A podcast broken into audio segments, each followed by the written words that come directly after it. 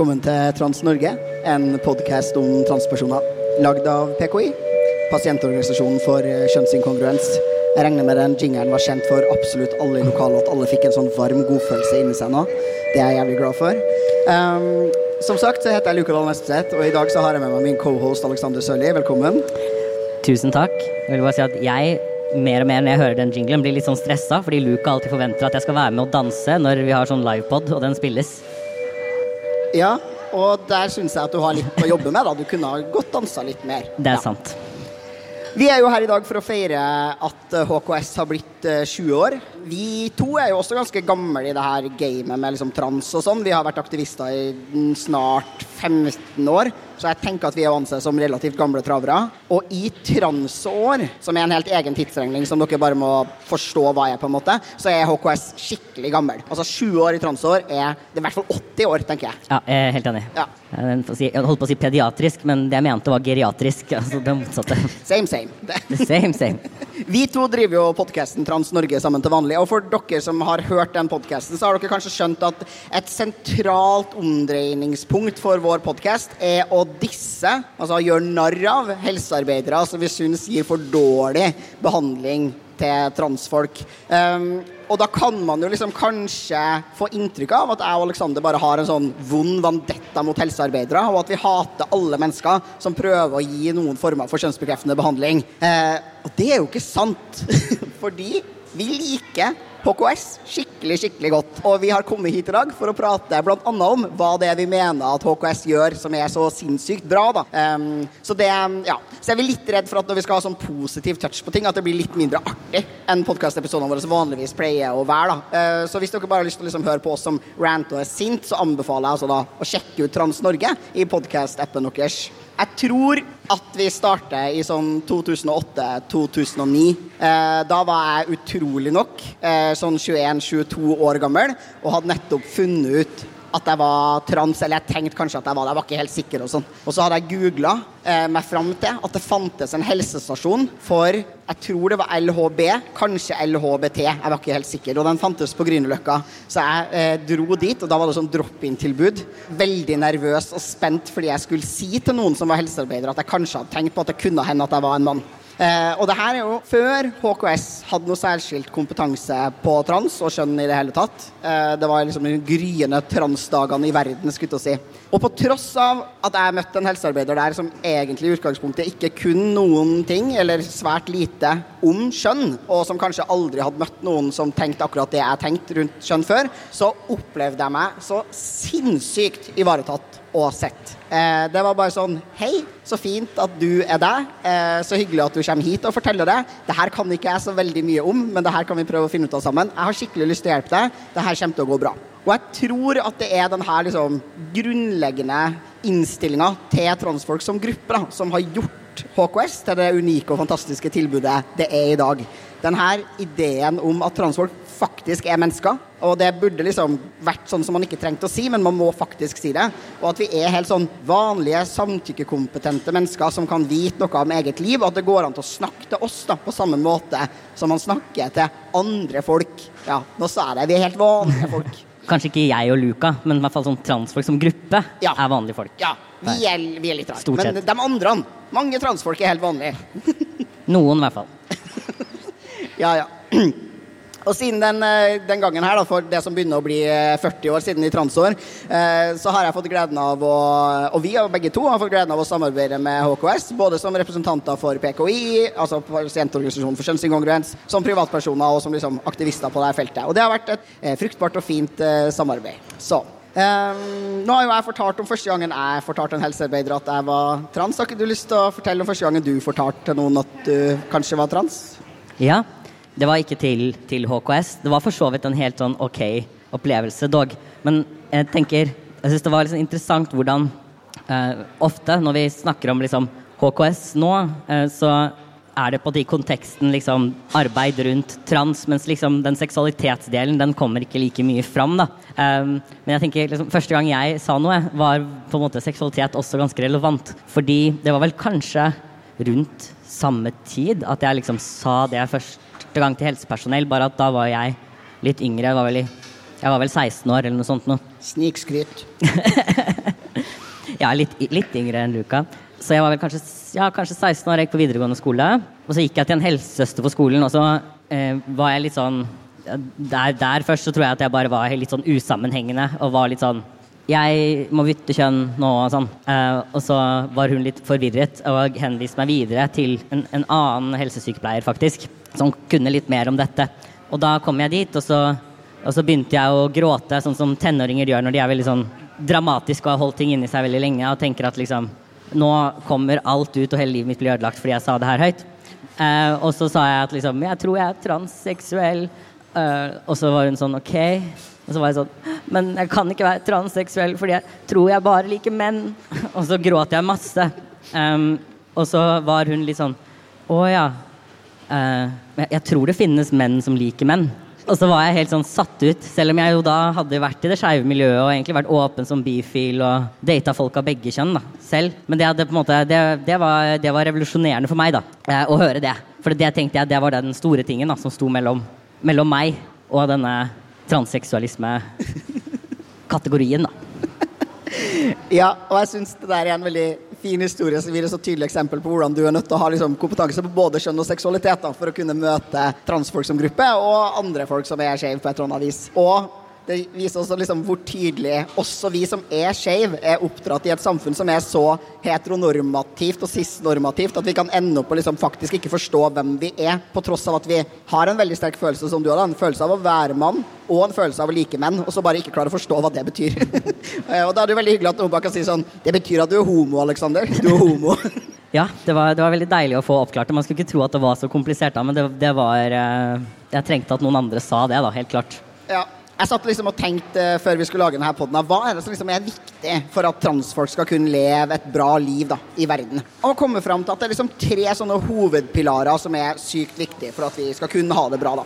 Og Det første er at vi trenger en annen form for sosial anerkjennelse av dem vi er i verden. Det andre vi trenger, er en flokk eller et miljø å høre hjemme i. Altså tilhørighet til andre transfolk og skeive mennesker. Og det siste er liksom konkret, faktisk helsehjelp som inkluderer reell kjønnsbekreftende behandling for de av oss som liksom har behov for det. HKS eh, kan på en måte ikke gi oss sosial anerkjennelse ute i verden. Det må vi få gjennom liksom, juridiske rettigheter og politikere som står på for oss, og også allierte som liksom, kjemper. Um, miljøet vårt det kan HKS hjelpe til med å lage, men det tenker jeg også primært må lages av transfolk sjøl. Og vi er nødt til å organisere oss, lage organisasjoner og finne sammen med hverandre. Men denne siste delen, som handler om liksom, helsetilbudet, der tenker jeg definitivt da, at HKS kan ha noe å bidra med.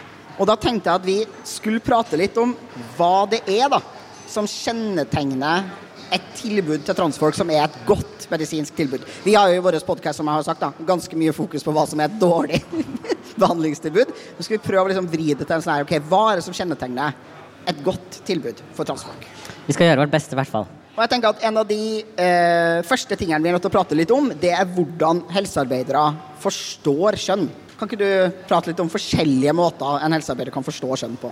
Ja, altså selvfølgelig. Veldig mange helsearbeidere forstår jo på en måte ikke kjønn som noe mer enn bare biologien. Og det kan veldig ofte ikke være liksom motvilje engang. Det kan bare handle om nettopp at man egentlig ikke har fått noe særlig opplæring eh, eller lært noe særlig om transfolk. Eh, jeg er jo sjæl utdanna sykepleier, og eh, jeg tror ikke jeg hadde noe som helst faktisk, om kjønnsidentitet eller om transfolk egentlig i løpet av min, hele min utdanning. Uh, sånn at det er jo ikke noe som på en måte, helsepersonell flest egentlig reflekterer noe særlig over. da, og får noe informasjon om. Og Det er på en måte den åpenbare. Men jeg tenker det er kanskje mer interessant å se på liksom, de forståelsene av kjønn som inkluderer transfolk. da, Blant de som har tenkt litt på det. Fordi der tenker jeg at en måte å på en måte, forstå det på, er jo at grovt sett, da, uh, at en kjønnsidentitet er et uttrykk for behov knytta til hvordan du ønsker at kroppen din skal være, hvordan du vil bli lest av andre, hvordan du har behov for at andre leser deg, da, for at du skal klare å liksom, leve et godt liv i måte, det samfunnet som man eksisterer i nå. Um, og kan, kan, man tenke at det måte, både er litt biologi og at det er noe liksom, samfunnsmessig, men at det grunnleggende sett er en sånn uh, blanding av ting, da, hvor man måte, må se på mer på folks ønsker og behov for si, kroppen sin og livet sitt enn på en måte å finne en sånn slags sånn ekte essens, eller å ta en sånn blodprøve som skal på en måte bevise noe. da. Og så På den andre siden så har man jo et litt mer sånn strengt syn hvor man tenker at liksom folk har en slags sånn ekte kjønnsessens som er liksom enten mann eller kvinne, og at den liksom sitter der inne et sted og kan bli oppdaget. Eh, og gjerne da oppdaget gjennom på en måte, å stille de riktige spørsmålene, så kan man på en måte komme fram til at noen egentlig har en sånn manneessens eller kvinneessens. Og dermed så må vi på en måte Og hvis de har det, så bør vi gi dem på en måte ikke nødvendigvis den behandlingen som vil gjøre livene deres best, men den behandlingen som gjør dem på en måte til mest mulig kjønnskonforme menn og kvinner til slutt. Er det en oppdeling som gir mening for deg? Det gir kjempemening, og jeg skal ikke nevne navn på forskjellige plasser man kan få kjønnsbekreftende behandling, men jeg tenker jo at HKS her representerer da eh, et sted hvor man kan få lov til å ta utgangspunkt i dine behov og ønsker, hvor man ikke tenker at kjønn nødvendigvis er en essens som er enten kvinnelig eller mannlig, og at det er helsearbeiderne sin oppgave å finne eller sjekke hva den essensen er. Eh, og så finnes det andre steder uten å nevne navn som kanskje forholder seg litt mer til den andre modellen vi her beskrev. da. Mm. Eh, og jeg tenker at det jo eh, bringer meg liksom litt sånn over til den her forståelsen av hva din oppgave som helsearbeider er. Og du var litt sånn kort innpå det. Man kan på en måte som helsearbeider tenke at din oppgave her er å lage skikkelig bra og flinke kvinner og menn. Og så eh, sørge for at dem som ikke klarer å være flinke kvinner eller menn, dem, må, dem får ikke være med. Mm. Eh, det er liksom og da ender man opp med en sånn modell hvor man veldig strengt gatekeeper og passer på hvem det er som er kvinner og menn. Og hvor kvinner må være på en veldig spesifikk måte, og menn må være på en veldig spesifikk måte.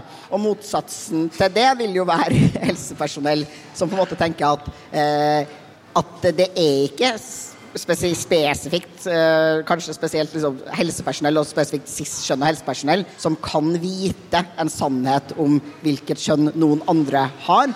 Og også at det kanskje ikke finnes en sånn avklart essensialistisk sannhet da, om andre sitt kjønn. At vi er nødt til å forholde oss til andre ting, som du snakka om. Sånn her, hva ønsker du for kroppen din? Hvilket liv har du lyst til å leve? Eh, hvordan har du lyst til å bli lest? Videre. Ja, og der kommer man jo også inn i kanskje litt hvorfor. da. Folk som har tenkt mye på seksualitet, da, som også jobber med seksualitet, ofte har en bedre forståelse også av kjønnsidentitet. Nettopp fordi seksualitet også funker litt på samme måte. da. Det er heller ikke en sånn lesbisk essens, på en måte, som du på en måte bare er der inne eller ikke er der inne. Seksualiteten er liksom mer kompleks, og hva folk f.eks. legger i ja, i merkelapper også, da, sånn som det å være lesbisk, eller bare til og med legger i hva det vil si å oppleve en seksuell tiltrekning eller en romantisk tiltrekning, er jo også på en måte eh, Ja, det er ganske subjektivt, da. Og si, lesbiske kvinner vil f.eks. være tiltrukket av forskjellige ting og forskjellige typer kvinner på forskjellige måter, da. Og det forstår vi, på en måte. Vi skjønner at seksualitet funker sånn, og at grunnleggende sett så Vi kan guide folk, vi kan hjelpe folk til å komme med forståelser om ting. Sin egen seksualitet da, som helsepersonell, men vi kan på en måte ikke vi kan ikke finne fasiten for dem, på en måte. Uansett hvor bra spørsmål vi stiller, egentlig. Ja, og eh, spesielt artig syns jeg jo at vi Jeg håper da at vi kollektivt har kommet dit i verden at vi forstår at hvis noen tenker selv at de er lesbisk, så er det ikke helsepersonell sin oppgave å spørre hadde du noen ganger mellom du var 12 og 18 år sex med en mann. Hvis du svarer ja på det spørsmålet, så er du herved fratatt din lesbiske identitet og får aldri lov til å kalle deg lesbisk igjen. Eh, det forstår vi alle liksom intuitivt at det er helt latterlig. Selvfølgelig kan vi ikke gjøre det med folk. Mens på transfeltet så tar helsearbeidere en slikk og ingenting for å spørre deg spørsmål om hva du lekte med mellom du var 12 og 18 år. Og hvis du svarer feil på det spørsmålet, si men da tror jeg ikke på det du nettopp sa om din egen kjønnsidentitet. Du får ikke lov, du er ikke konform nok, du lever ikke opp til de her kravene som vi har satt. Eh, og jeg har lyst til å leve i en verden hvor folk forstår det som altså intuitivt forstår det som like absurd da, som å skulle liksom si nei, du har kyssa en mann en gang, så du får aldri lov til å kalle deg lesbisk. Men det, jeg tenker jo at det på mange måter er like absurd. man bare har ikke innsett det ennå. Og, det her, og man hadde jo også en sånn forståelse ofte av eh, altså Ironisk nok så var det jo også veldig, veldig, vanlig før i helsevesenet at man hadde en forståelse av nettopp lesbiske og homofile som personer som på en eller annen måte nettopp var egentlig menn og kvinner som var fanget i en feil kropp fordi det var sett på som liksom noe iboende mannlig å være tiltrukket av kvinner, og veldig sånn iboende kvinnelig å være tiltrukket av menn. Ja. Så man har jo knytta liksom, seksualiteten veldig til kjønn før, da, mens nå er det noe vi opplever som liksom helt absurd. Mm. Men det var det ikke alltid. Nei, og det ser man også bare på sånn historisk, så har man jo også sykeliggjort det å være homofil eller skeiv på seksualitetsmåter. Og man har jo også prøvd å behandle det på måter som er eh, veldig likt måten vi gir kjønnsbekreftende behandling på i dag. Det syns jeg er veldig artig. Så for liksom folk da, som man i som har vært eh, homofile menn, da, så har man tenkt både at man skal helbrede homofilien deres ved å liksom kjøre inn mer testosteron inn i dem, så de skal bli mer liksom stereotype menn, da, og slutte å liksom oppføre seg på den her kvinnelige måten som det da tydeligvis er å skulle like damer. Men man har jo også forsøkt å gi dem østrogen og stoppe testosteronproduksjon og tenke at det er for mye testosteron, og at det er det som er problemet. Og jeg synes det bare eh, ja, viser både hvordan kjønn og seksualitet henger sammen, men også hvor absurd det er da, at man har tenkt at man kan endre folks seksuelle orientering eller kjønnsidentitet, og også at man kan gjøre det liksom, gjennom sånn her type medisinske intervensjoner. Da. Det synes jeg er Ja, det er, det er veldig, veldig spennende. Men det, akkurat det der er jo faktisk et spørsmål som eh, i hvert fall var, ble stilt før. Som handla om nettopp det, om hvorvidt man tenkte at ens seksuelle preferanse kom til å endre seg når man begynte på hormoner. Ja, det er jo utrolig spennende å skulle jeg filosofere litt rundt det. Men ja, vi skal snakke litt Vi, er, vi snakker jo ganske mye faktisk i vår podkast om de spørsmålene som helsearbeidere stiller transfolk, for å kunne liksom finne ut av om vi er trans eller ikke. Og vi bruker ganske mye tid på å latterliggjøre de her spørsmålene. Mange episoder egentlig som bare handler om hvor latterlig vi syns spørsmål vi har fått fra helsearbeidere er. Og vi får inn masse historier fra transfolk som også har fått latterlige spørsmål fra helsearbeidere. Det er en uh, utømmelig kilde til underholdning og humor for meg og Aleksander. Men uh, det kan jo også få noen til å liksom tenke eller tro da, at vi mener at transfolk aldri skal bli stilt spørsmål i møte med helsepersonell. At det er, er vi eh, transfolk, hvis vi sier et eller annet om egen identitet, så skal vi bare få masse kjønnsbekreftende behandling i morgen. Ingen, altså no questions asked. Um, og det har jeg bare lyst til å si, da. At det er ikke sant. Vi mener at det finnes mange gode og relevante spørsmål man skal stille transfolk. Vi er bare kritiske til liksom, de spørsmålene man historisk har brukt. da. Men vi har da tenkt å rett og slett hjelpe til litt. Vi har plukka ut noen spørsmål som historisk sett har blitt stilt på ja, Rikshospitalet. Vi kan bare si det høyt. Ja. Og så har vi bestemt oss at vi skal oversette dem til spørsmål som har en verdi, eller som er brukende på en eller annen måte. Vi tenker rett og slett ja, vi gjør jobben for dem, egentlig. Ja. ja. Når vi er ferdig med det her, så skal jeg levere det arket til dem og være sånn Hei, vi har, vi har forbedra utredningsmetodene deres. Vær så god, her har dere noe å jobbe med. Skal de få høre på, på podkasten. Nei, men det er jo viktig at vi, at vi, presiserer det at vi snakker jo ikke om HKS nå. Det er jo på en måte litt poenget, da. Tror jo at det her er ting som nettopp er en av tingene som gjør at HKS ofte har vært veldig mye bedre. Er veldig mye bedre. Ja, og det er jo eh, noe av det som eh, mye av kritikken til Rikshospitalet liksom har handla om, da, er jo at vi transfolk sier at dere har et helt sykelig oppheng i seksualiteten vår, det må dere slutte med. Vi sier aldri det om HKS, selv om HKS har et eh, mer enn gjennomsnittet oppheng i seksualiteten til transfolk. Kjempeinteressert i seksualiteten til transfolk. Det er bare handler om måten du gjør det på. Det finnes en freaky og litt skummel, eh, ikke grei måte å være opphengt i transfolk sin seksualitet på. Og så finnes det en utforskende, interessert og nysgjerrig og relevant måte å være interessert da, i transfolk sin seksualitet på. Så skal jeg bare begynne med noen spørsmål som eh, noen mener at det er veldig viktig at transfolk svarer på. Og så kan vi prøve å liksom få jobbe litt med sånn, hva er det de har ment her, og hvordan kan vi gjøre det til et bedre spørsmål. Ja. ja. Så Aleksander, eh, bruker du genitaliene dine når du har sex? Og hvis du gjør det, bruker du dem passivt eller aktivt? Ja. Um, jeg tror ikke jeg skal svare på det Nei, det uh, akkurat nå. Men um, ja. Så det første som slår meg med det, er jo at for å kunne oversette et spørsmål, så må jeg jo faktisk først skjønne hva det betyr. Ja. Og her er jeg faktisk litt usikker på om jeg skjønner helt hva det betyr å bruke et kjønnsorgan aktivt eller passivt. Eller begge deler. Ja. Jeg har ikke, jeg har ikke noe fasit der. Beklager. Jeg vet ikke hva det betyr, jeg heller. Ok, ja, men da, da var det jo litt vanskelig for oss også da, å gi, uh, gi en oversettelse av det. Så kanskje vi konkluderer med at det, noen spørsmål de trenger man ikke å spørre i det hele tatt? Ja. Ok. Det tenker jeg. Det her kan være et mulig sånn Du trenger ikke spørre om det. Tror du de som har lagd det, vet hva de spør om? Nei, det tror jeg ikke. Nei, da blir det jo vanskelig, da. Men jeg tror det er viktig at man får spurt det her spørsmålet, så man får screena litt. Ok. Det her er et spørsmål som egentlig er mynta på transkvinner, men vi klarer vel å sette oss inn i sånn cirka hvordan det eventuelt ville ha vært. Ja. Og det er spørsmålet Har du hatt fantasier om deg selv som, i hermetegn, naken kvinne, hermetegn slutt, i alderen 12 til 18 år? Dere trenger ikke svare fra salen, da. Men vi er glad for å høre det. Ka- Kanskje da dere vet forskjellen på en naken kvinne uten hermetegn og en naken kvinne med hermetegn? For det er det vi har lurt mest på. Hva er en naken kvinne? Fordi det er ingen andre steder det står dette. Alle de andre stedene så står det bare kvinne eller jente, men akkurat det skrives altså i, i anførselstegn. Det er veldig spennende. Jeg, jeg, vet ikke helt hva det betyr, heller. Men hvis vi skal prøve å liksom si, Ok, vi skal prøve å legge liksom eh, si godvilja, det er ikke godvilje akkurat heller, da, så vil jeg tro at dette er en screening for typ autogynefili. Eh, og for de som ikke vet hva det er, så er det på en måte en tanke om at noen på en måte blir trans fordi de tenner på tanken om seg selv som en kvinne. Naken kvinne. Ja. Den må være naken. Um, det er tenker jeg er et klassisk eksempel på noe som man altså ikke trenger å screene for. Nei, fordi eh, det finnes ikke. Eh, og svaret på det spørsmålet her gir deg ingen relevant informasjon om hvorvidt noen er en kvinne, eller hvorvidt de vil ha utbytte av liksom, kjønnsbekreftende behandling. Eh, ja. Og det, det, vil heller ikke forandre seg hvis du svarer på neste spørsmål, som er om du har fantasert om deg selv som naken kvinne etter at du fylte 18 år. jeg er også spent på liksom, hva er forskjellen på hvis det her skjedde før eller etter fylte 18. Um, ja, Om det er positivt eller negativt, liksom? Ja, ja Teller det for eller mot at du er trans, liksom? I don't know. Men jeg tenker jo at det kan være relevant å snakke med transfolk om hvordan man ser for seg kroppen sin ja. når man har seksuelle fantasier, eller hvordan man skulle ønske at den så ut, eller hva slags type sex man har, liksom, er gira på å ha. Og det betyr ikke at jeg her nå mener at hvis du er liksom passiv eller tilbakeholden seksuelt, så skulle det tilsi at du er mer feminin eller mer likely til å være kvinne. Men de spørsmålene her kan være relevant når vi skal diskutere hvordan kroppen din kommer til å respondere på kjønnsbekreftende behandling. Da er spørsmålet om seksualiteten vår faktisk liksom relevant. Så hvis vi skulle oversette spørsmålet her til noe som faktisk fremstår som relevant eller viktig Hvor gammel var du første gangen du ejakulerte?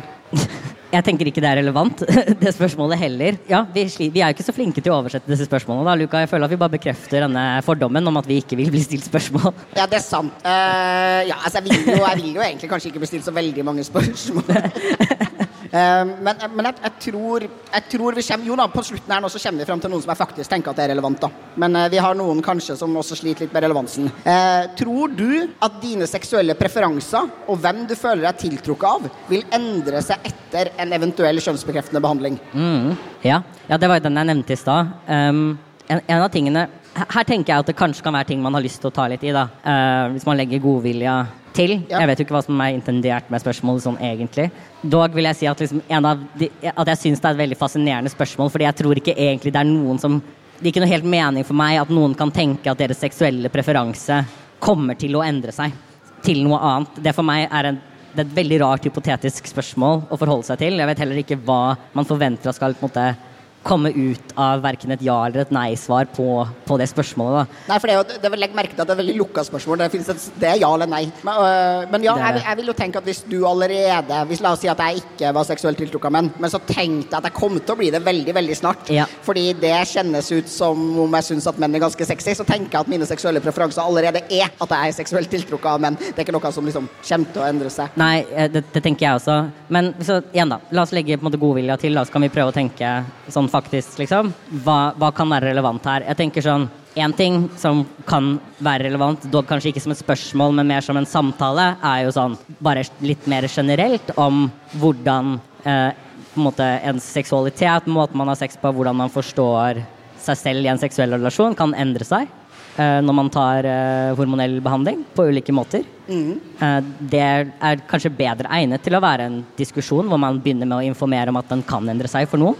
Um, den andre tingen må jo eventuelt være da, å fjerne hvis noen har helt urealistiske forventninger til hva eventuelt dette kan gjøre. Siden de er, noen er litt sånn som meg, da, og er liksom øh, Ikke meg nå, men, men meg som 16-åring, da når det var veldig lite informasjon om særlig om kanskje homofile transfolk. da, Det var på en måte ikke noe du så i noen særlig grad på den tiden. Uh, og tenkte at hvis, si, hvis jeg tar testosteron, så vil jeg på en måte klare også å bli en heterofil mann.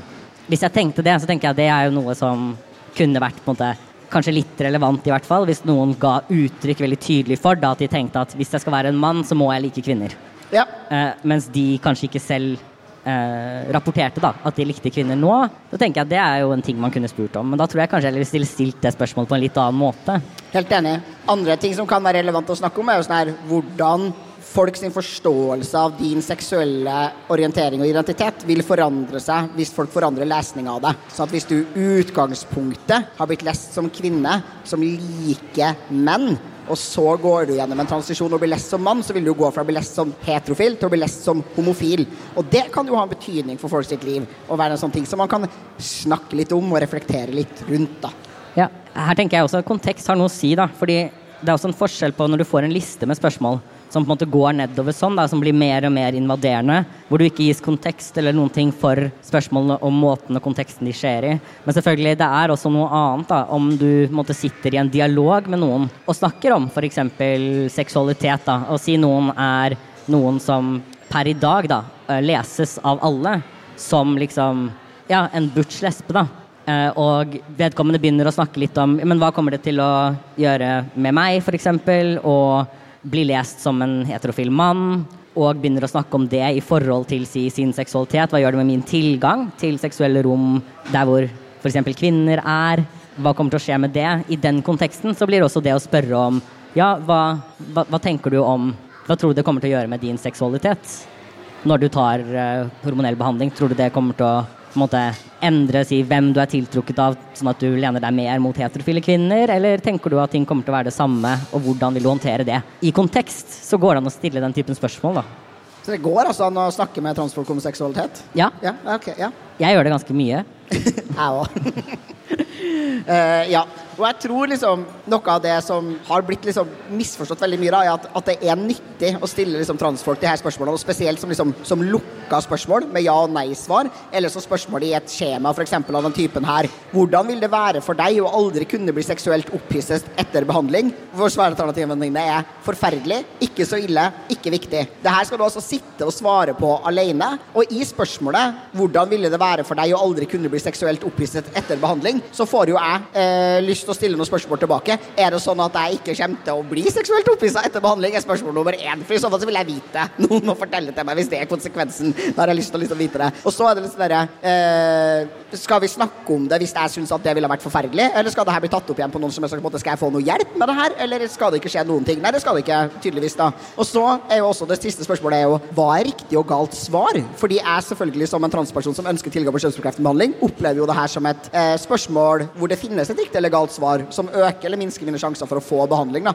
Og da tenker jo jeg at det f.eks. ville sikkert vært lurt å si at det ikke er viktig for meg i det hele tatt, fordi det her kommer uansett til å skje. Så hvis jeg svarer at det er viktig for meg å kunne bli seksuelt opphisset, eller at jeg ville ha blitt lei meg hvis jeg ikke kunne bli det, så kanskje jeg ikke får behandling. Så da lyver jeg da om at nei, det ville jeg ikke brydd meg noen ting om i det hele tatt. Og så ender man opp med å gi folk feil kjønnsbekreftende behandling på feil grunnlag med feil informasjon, og alle har feil.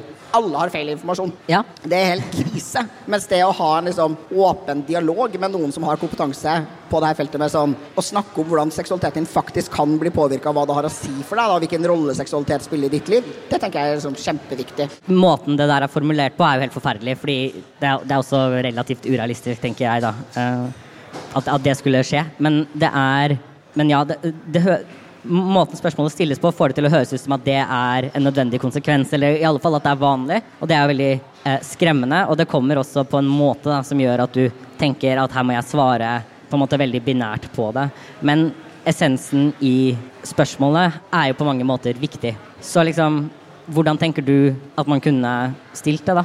Spørsmålet. Man kunne ha sagt at eh, noen former for kjønnsbekreftende behandling kan påvirke seksualiteten din på forskjellige måter. Og så snakka om hvilke liksom, konsekvenser forskjellig medisinsk behandling kan ha. Da. Og så snakka om hvordan ville den konsekvensen vært for deg. Og hvis du ikke bryr deg, så trenger man ikke snakke noe mer om det. Hvis det er, hvis det er noe som er viktig for deg, f.eks. hvis du sier sånn Østrogen gjør ofte at du mister ereksjonsevne eller får redusert ereksjonsevne. Så tenker du sånn I don't care, det ville vært helt strålende. Eller du kan tenke sånn Hm, det ville vært kjipt for meg. Hvis du svarer I don't care, det ville vært strålende, du trenger ikke snakke noe mer. Hvis du tenker at det ville vært kjipt, så ville det vært sånn Ok, hvordan kan vi motvirke det? Det kan vi motvirke på veldig mange måter. Der fins det eh, sexologisk kompetanse og rådgivning hvor noen er sånn Ja, da er f.eks. en viktig ting å gjøre. Øve på å opprettholde ereksjonsevnen sin. Eh, sjekke kanskje om du skal ha litt høyere testosteronnivå enn ingenting, fordi det øker sjansen for å kunne ha ereksjon, osv.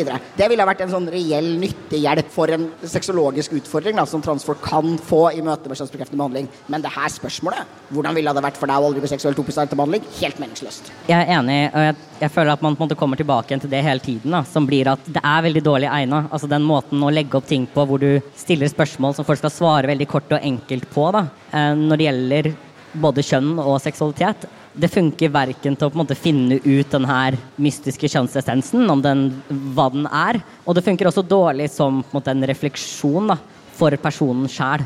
Fordi du gis ikke noen reell mulighet til å, å, svare på disse spørsmålene, til å stille spørsmål tilbake igjen. Altså, det, det, er ikke en dialog, da. Og veldig mange av de her tingene krever faktisk en dialog, da. Det kreves at du måte, får kontekst, at du får informasjon. Jeg tenker jo også at det kan være på mange måter meningsløst å snakke om informert samtykke også, hvis man faktisk ikke får informasjonen man trenger. Da. Eh, det hjelper på en måte ikke å jeg, jeg, vil påstå da, at hvis man sier til noen Hvis du tar det her, så mister du kanskje all evnen din til å ha sex. Og det er all informasjonen du får da, om påvirkningen av, seksual, seks, av behandlingen på seksualiteten din. Det tenker ikke jeg er på en måte nok informasjon til å egentlig gi informert samtykke, selv om du har blitt advart. på en måte. For du har, ikke, du har ikke faktisk fått den relevante informasjonen om hva som faktisk kommer til å skje, da, eller kan skje med kroppen din. Ei heller har du fått vite sånn cirka hvor sannsynlig det er, eller hva det vil si. Fordi som du nevnte her også, så er jo folk forskjellige. En del ting som vil oppleves som negativt for noen, kan faktisk være positivt for andre også. Som jo er et veldig sånn skummelt, en, en skummel ting å ikke ta høyde for, da, hvis man har tenkt til å gi noen informasjon eller få dem til å reflektere over konsekvensene av en form for behandling. Ja, ok. Vi, vi, nærmer oss slutten, fordi jeg tror vi har fått gjennom det som egentlig var vårt liksom, hovedbudskap i dag. Da. Og det er at helsestasjonen for kjønn og seksualitet er fantastisk. Og det å eh, faktisk lytte til da, og stole på at transfolk kan vite noe om eget liv, og gå i en aktiv dialog og stille spørsmål som oppleves som relevant og som er kunnskapsbasert, da, det er noe transfolk ønsker velkomment. Det er ingen transfolk som ønsker seg liksom, hormoner no questions asked over natta. Vi har lyst til å prate om seksualiteten vår, om skjønnet vårt, om komme ut-prosessen vår, og vi har lyst til å gjøre det med folk som er hyggelige, ikke transfob og trivelige mennesker. Og det de er det skikkelig mange av på helsestasjonen for eh, kjønn og seksualitet. Og jeg håper virkelig at HKS de neste 20 årene fortsetter å lytte til transfolk, eh, og at dere fortsetter å stole på deres egen faglige kompetanse og de tilbakemeldingene dere får fra oss i miljøet. Eh, og bare overser den fullstendig moralske panikken som tydeligvis finnes rundt kjønnsbekreftende behandling for tida. Um, jeg er personlig helt sånn utrolig takknemlig for den jobben dere har gjort. Det har vært en fryd for meg å være en sånn menneske som folk kontakter om, uh, og trenger hjelp til, og så kunne sende folk videre til en helsestasjon hvor jeg vet at de blir møtt på en god måte. Hvor tilbakemeldingene fra folk jeg sender hit, alltid, og da mener jeg alltid, er at de blir møtt på en god måte. Uh, og jeg håper intenst at HKS sin metode blir gullstandarden for kjønnsbekreftende behandling i Norge i framtida. Ja. Det gjør jeg også, også på vegne av, eh, av pasientorganisasjonen for kjønnsinkongruens. Da. Det er, HKS eh, er uh, uvurderlig, og så er det selvfølgelig også sånn at vi forstår at om, om, det var sånn i framtiden at HKS gjorde feil, så forstår vi også at det er bare mennesker som jobber der. Men vi tenker i hvert fall at sånn som HKS er i dag, så er det på en måte så bra da, som det går an å bli innenfor det systemet og alle de rammene som HKS faktisk er tvunget til å jobbe innen, da, som jo er ganske mange. Ja. og ganske kompliserte i særlig akkurat dette feltet her. Så vi er veldig, veldig takknemlige og veldig glad for å bli invitert hit. Ja. Takk for at du fikk komme.